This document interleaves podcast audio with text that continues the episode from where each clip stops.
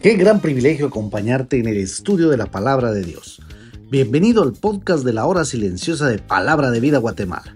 Descubriremos junto a ti los desafíos que Dios nos dará hoy a través de su palabra. Deseamos que hayas tomado un tiempo para leer con anticipación el pasaje del día de hoy.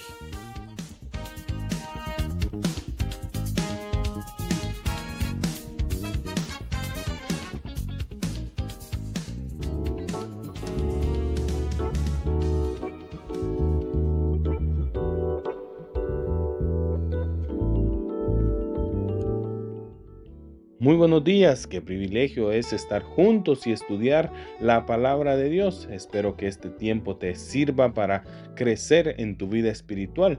Nuestro pasaje para la hora silenciosa de hoy lo encontramos en Primera de Juan capítulo 2 versículos 7 al 11 y el pasaje dice así: Hermanos, no os escribo mandamiento nuevo, sino el mandamiento antiguo que habéis tenido desde el principio.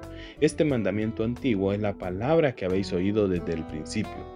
Sin embargo, os escribo un mandamiento nuevo, que es el verdadero en él y en vosotros, porque las tinieblas van pasando y la luz verdadera ya alumbra.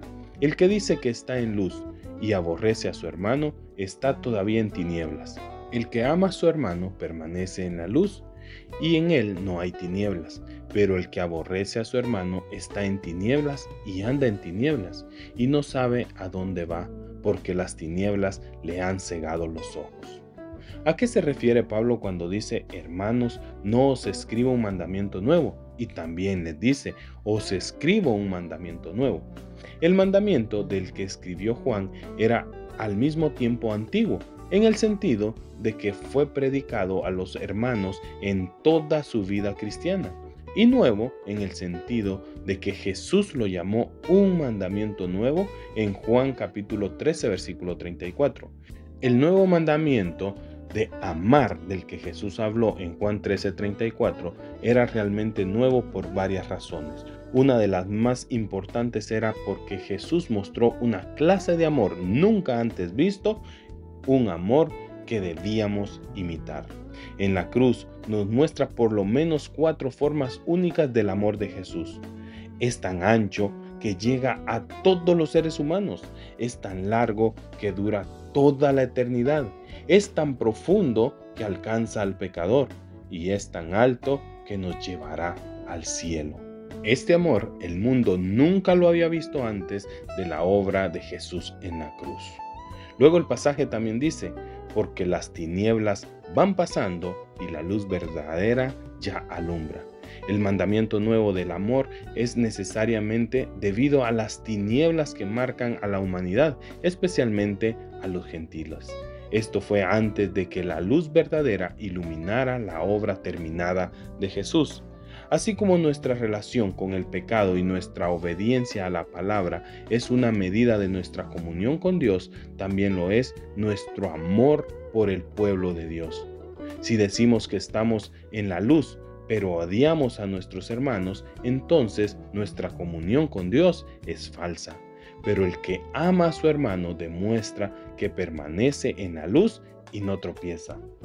A veces es fácil pensar, seguir a Jesús sería fácil si no fuera por todos los cristianos. Y muchos cristianos viven como heridos andantes, lisiados por las cicatrices que otros cristianos les han causado. Sin embargo, esta medida sigue en pie si no podemos amarnos unos a otros, entonces no tenemos forma de afirmar un amor real por Dios.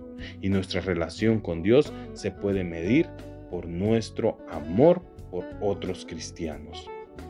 Si perdemos el amor, lo perdemos todo.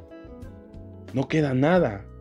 Puedes hacer todas las cosas correctas, creer todas las verdades correctas pero si no amas a otros cristianos, entonces todo está perdido. Sabiendo la importancia que Jesús le dio a nuestro amor mutuo, Juan nos dice que si aborrecemos a nuestros hermanos, andamos en tinieblas y somos incapaces de ver. Hemos sido cegados.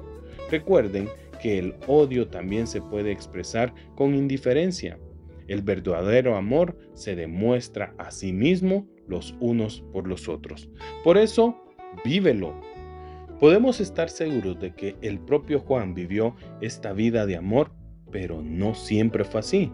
El mismo Juan aprendió el amor en este punto, porque al principio de su vida fue conocido como uno de los hijos del trueno. En una ocasión quiso hacer descender fuego del cielo sobre aquellos que rechazaban a Jesús en Lucas 9:54. De la misma manera nosotros podemos aprender a amar a nuestros hermanos en la fe. Hoy te animo a que pienses en aquellos hermanos que no les has demostrado mucho amor.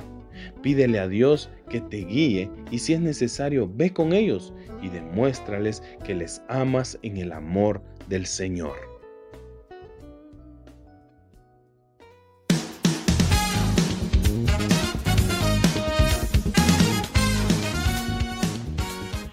Es emocionante saber los tesoros que Dios tiene en su palabra para nosotros.